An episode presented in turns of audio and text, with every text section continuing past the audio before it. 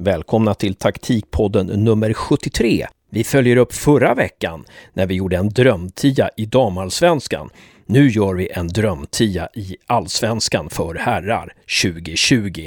Vi tar ut de tio bästa utespelarna baserat på statistik. En trebackslinje, fyra mittfältare och tre anfallare. Och vi baserar det på allsvenskan och Svenska kuppen i och med att de två tävlingarna är sammanräknade i det här statistikprogrammet som vi utgår ifrån. Ni vet väl att John Wall på vår Youtube-kanal, Taktikpoddens kanal, förklarar vissa taktiska moment. Så leta upp Taktikpoddens kanal på Youtube, ta och prenumerera så missar du inte nästa avsnitt heller. Nu ska jag, Hasse Carstensen och Josef utse de tio bästa utespelarna i Allsvenskan för herrar 2020. Håller ni inte med eller vill ni lägga till något, ta och mejla oss på taktikpodden gmail.com eller kommentera oss på Twitter. Trevlig lyssning!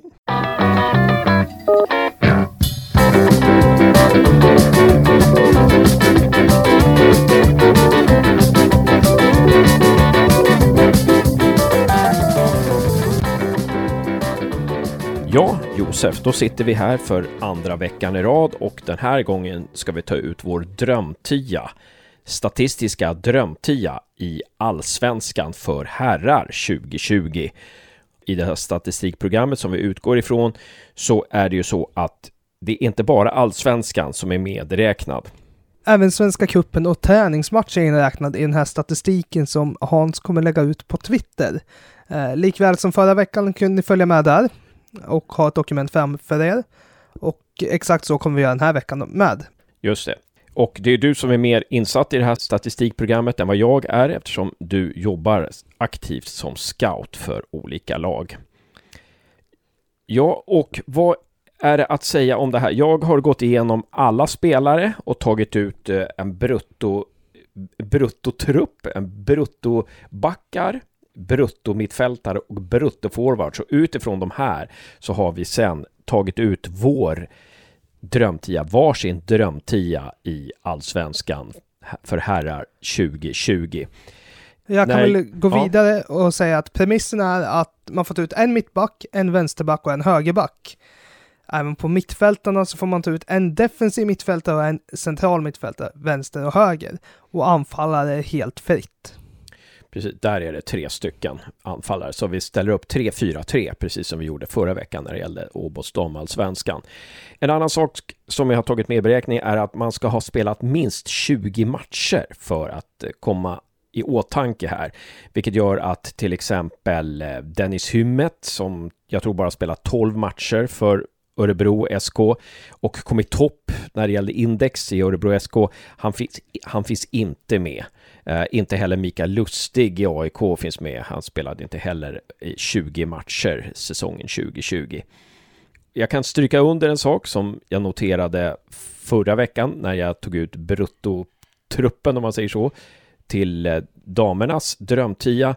Det är att det här statistiken den gynnar defensiva mittfältare och centrala eh, defenders, alltså eh, mittbackar. De kommer i princip högst upp i, på alla lags indexlistor.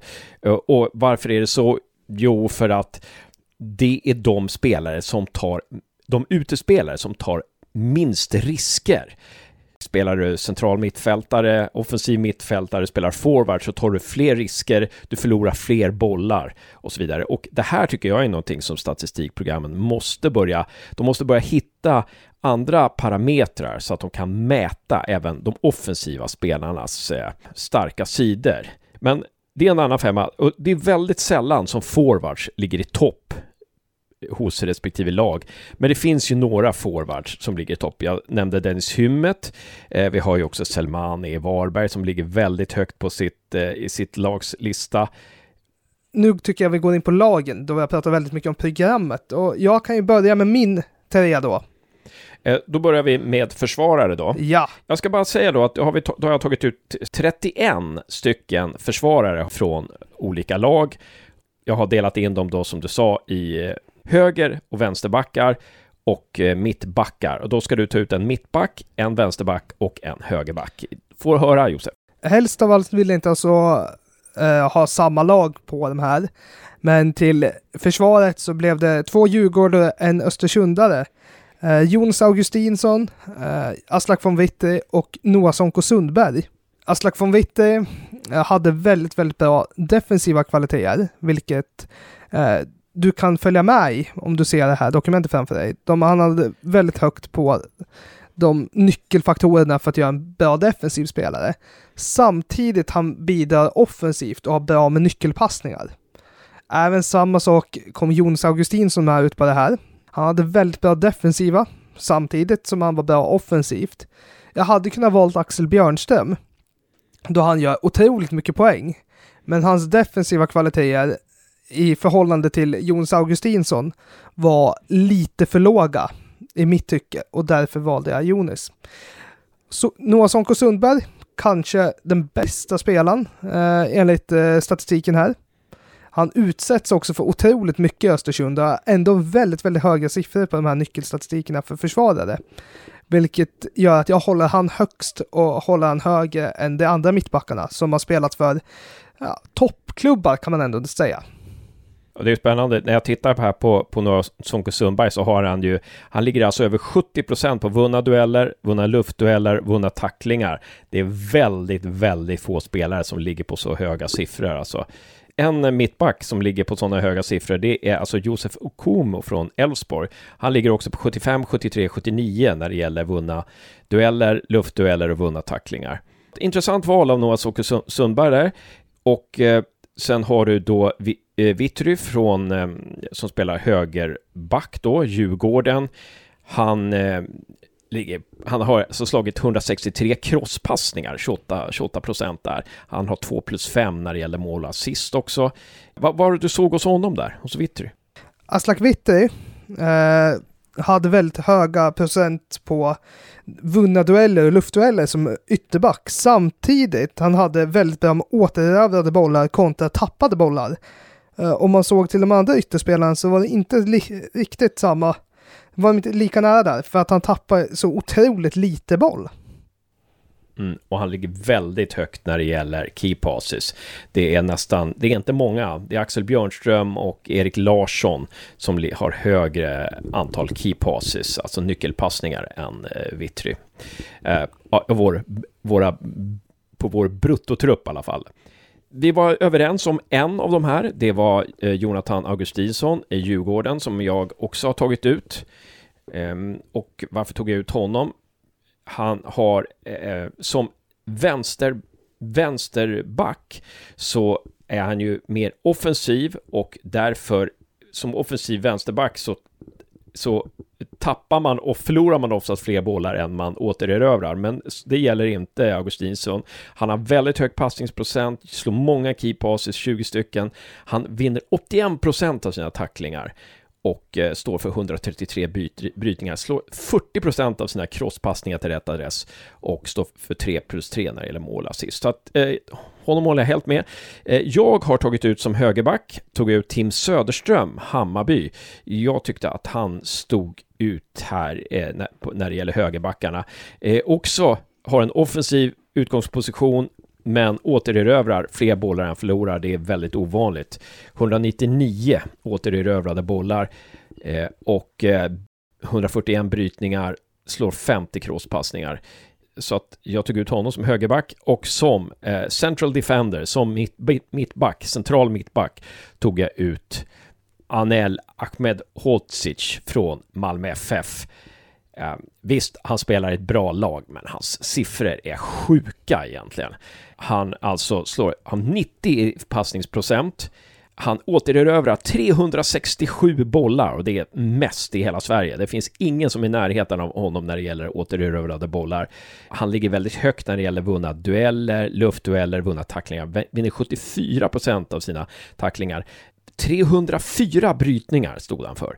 Jag vet att han spelar ett bra lag. Sen är det också det att jag tycker att han är så otroligt...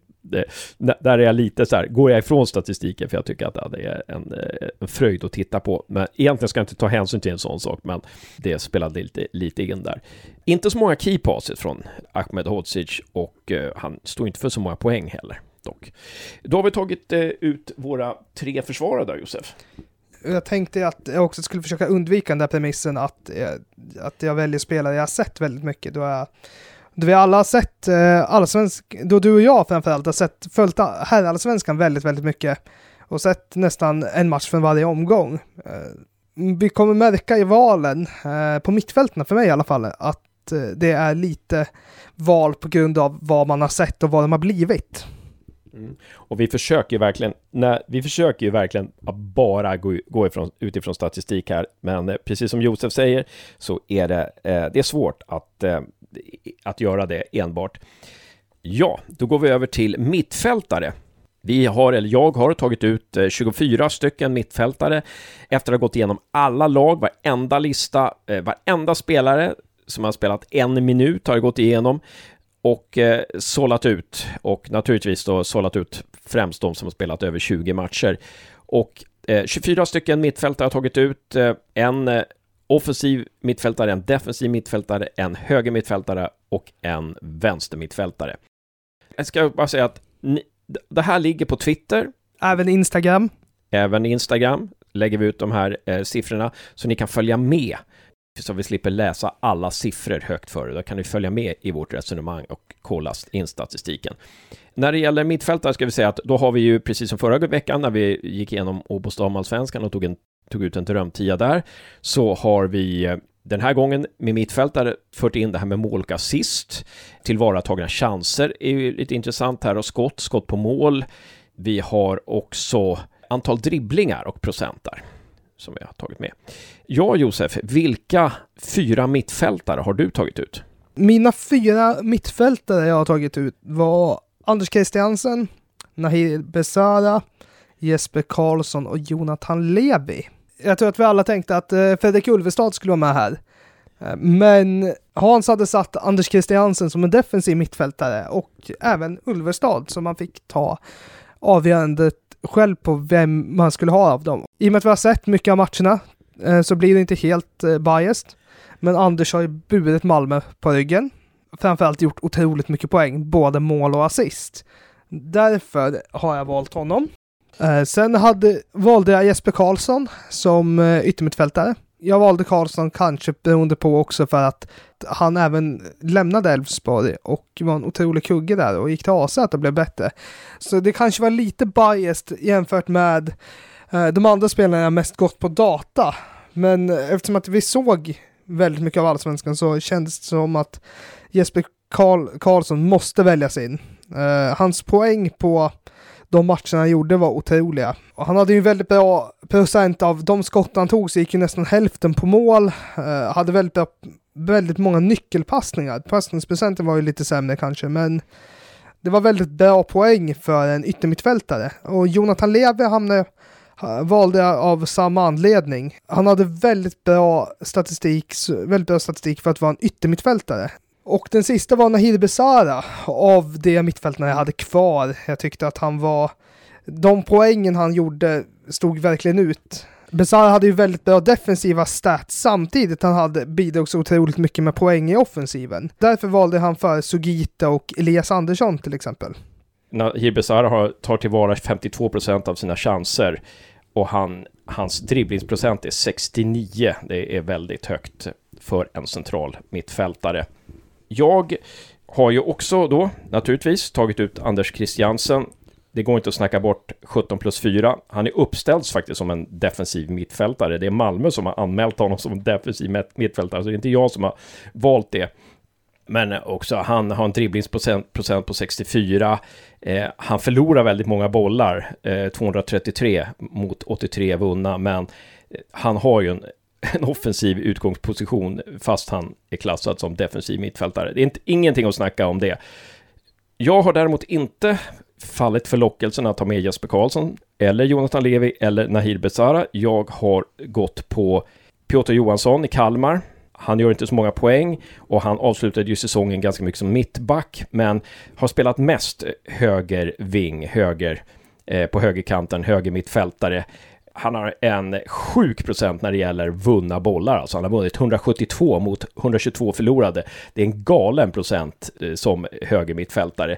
Han har också han har 67 i tacklingsprocent och han spelar i ett lag som konstant har varit under press. Han har även gjort fyra mål då, i ett lag som knappt har gjort några mål. Sen har jag tagit med Besar Sabovic ifrån Mjällby. Han är ju då central mittfältare, har väldigt hög dribblingsprocent, väldigt hög tacklingsprocent. Han är bra på att återvinna bollar, han gör 4 plus 2. Jag tycker det är eh, ja, en intressant spelare som verkar förlorad för allsvenskan, precis som nästan alla de här mittfältarna vi räknar upp. Och sen tar jag med Muamer Tankovic. Det är faktiskt ett konstigt val själv, tänker jag. Jag tycker själv inte att Tankovic har eh, gjort så bra ifrån sig, men när jag tittar på hans stats så är det väldigt bra stats. Han är alltså vänstermittfältare och eh, ja, vinner väldigt många bollar. Eh, alltså 199 bollar och gör 11 mål. Ja, där har vi då gått igenom eh, mittfältarna. Notera att jag och Hasse profilerat våra lag och spelare på olika sätt. Han har lite mer defensiv lutning på sin, medan jag har lite mer offensiv. Då till exempel han tar ut Sabovic och jag tar ut Besara. Jag kanske inte riktigt håller med om att Sabovic är eh, värd en plats i, bland årets spelare när man ser vilka spelare han har att välja på. Men varför nu väljer Sabovic är ett jävla mirakel för mig, men du gör vad du vill. Och du kommer, när vi går över på forward så kommer du fortsätta vara kritisk, för jag vet att du är kritisk mot mina val där. Dock är vi ju lika på två stycken när det gäller forwards. Vi har alltså, eh, vi har båda Gustav Ludvigsson, Hammarby, och Kristoffer Nyman, Norrköping. Gustav Ludvigsson, det är, måste ju vara en av årets rookies tillsammans med Astrid Selmani i Allsvenskan 2020. 11 plus 11 under säsongen 2020 och eh, 62 i dribblingsprocent. Han sätter 31 av 61 skott på mål. 44 key passes, vilket är bäst av alla de 13 forwards som vi har valt ut.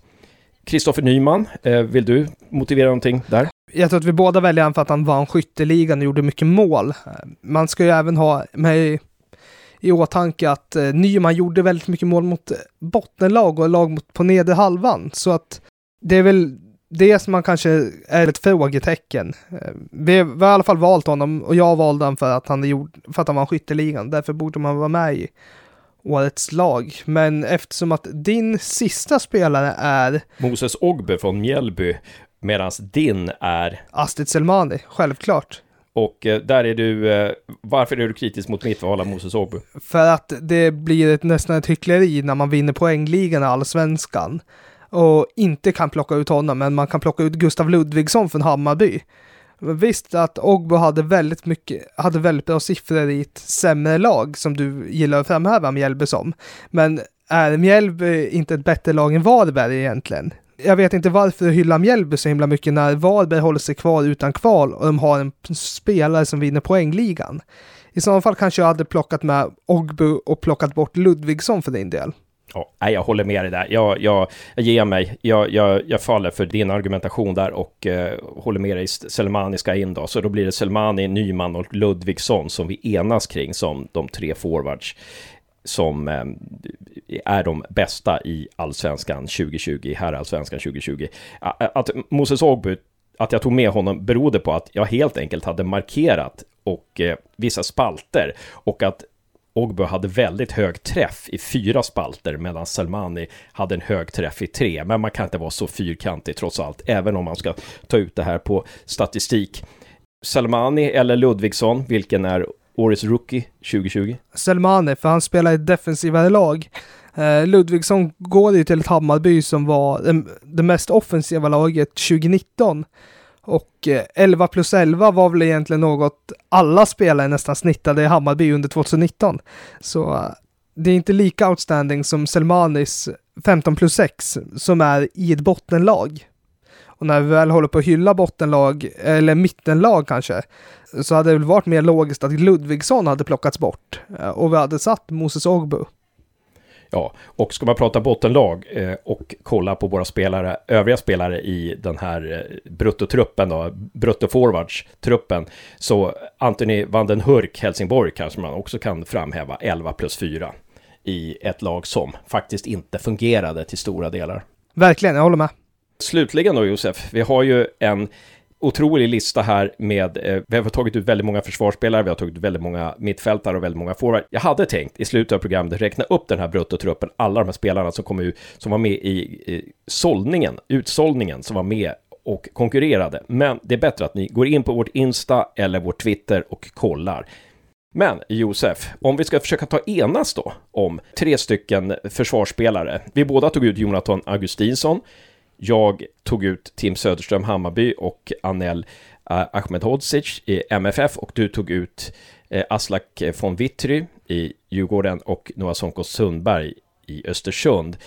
Skulle vi kunna enas någonting? Skulle du kunna ge dig på någon punkt när det gäller Noah Sonko Sundberg eller Aslak von Wittry? Jag ger mig gladeligen på Aslak von Wittry för att han är hög, han är också från Djurgården. Dock så tycker jag att Noah Sonko Sundbergs stats i ett lag som Östersund är helt outstanding. Nu vet vi alla att Anel är allsvenskans bästa mittback. Och han, eh, det har vi ju sett allihopa som har följt allsvenskan i år. Men om vi kollar till statistiken, då tycker jag att Noah Sonko Sundberg ska tas ut. Jag är beredd att låta Aslak eh, kliva åt sidan.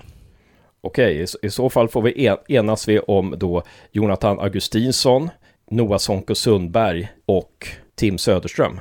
Stämmer. Då kommer vi till mittfältare, där jag hade Muamer Tankovic, Piotr Johansson och Besar Sabovic. Vi, vi var båda inne på Anders Christiansen. Du hade Jesper Karlsson, Jonathan Levi och Nahir Besara. Är det, kan du ge dig på någon av de där punkterna eller eh, står du fast vid dina tre där? Jag anser att Piotr och Besad inte har någonstans att göra i årets lag. Eh, Mohammed kan jag förstå, men både Mohammed och Jesper spelar inte hela säsongen och det gjorde Jesper med poäng, så jag tycker faktiskt att mina spelare i det här fallet var bättre valt än dina, om man ser poängmässigt. Men du kan inte tänka dig att byta ut Jonathan Levi mot Piotr Johansson till exempel? Piotr Johansson vann 172 eh, ja, som, vi, som vi har pratat om tidigare var det ju att eh, Piotr Johansson hade mest en ytterbacksutgång eller en mittbacksutgång. Det är därför han har vunnit så mycket dueller och har så positiv statistik på vunna bollar kontra förlorade. Är det någon spelare du inte ville rucka på? Ja, men jag kan tänka mig att ge mig när det gäller Tankovic och Sabovic. Men jag skulle vilja ha med Piotr Johansson tillsammans med Anders Christiansen. Piotr vill jag ha kvar, helt enkelt. Men jag, jag kan, jag, jag, kan tänka mig Piotr, Anders Christiansen, Jesper Karlsson och eh, Nahir Besara. Då säger vi så. Tack, då var vi överens. Tack för att ni har lyssnat på den här podden och som sagt, ni kan följa statistiken, ni kan se vår uttagning, ni kan se vår bruttotrupp, ni kan se alla siffror vi refererar till på vår Twitter eller på vår Instagram. Tack för att du tog dig tid Josef. Tack så mycket och detsamma Hasse.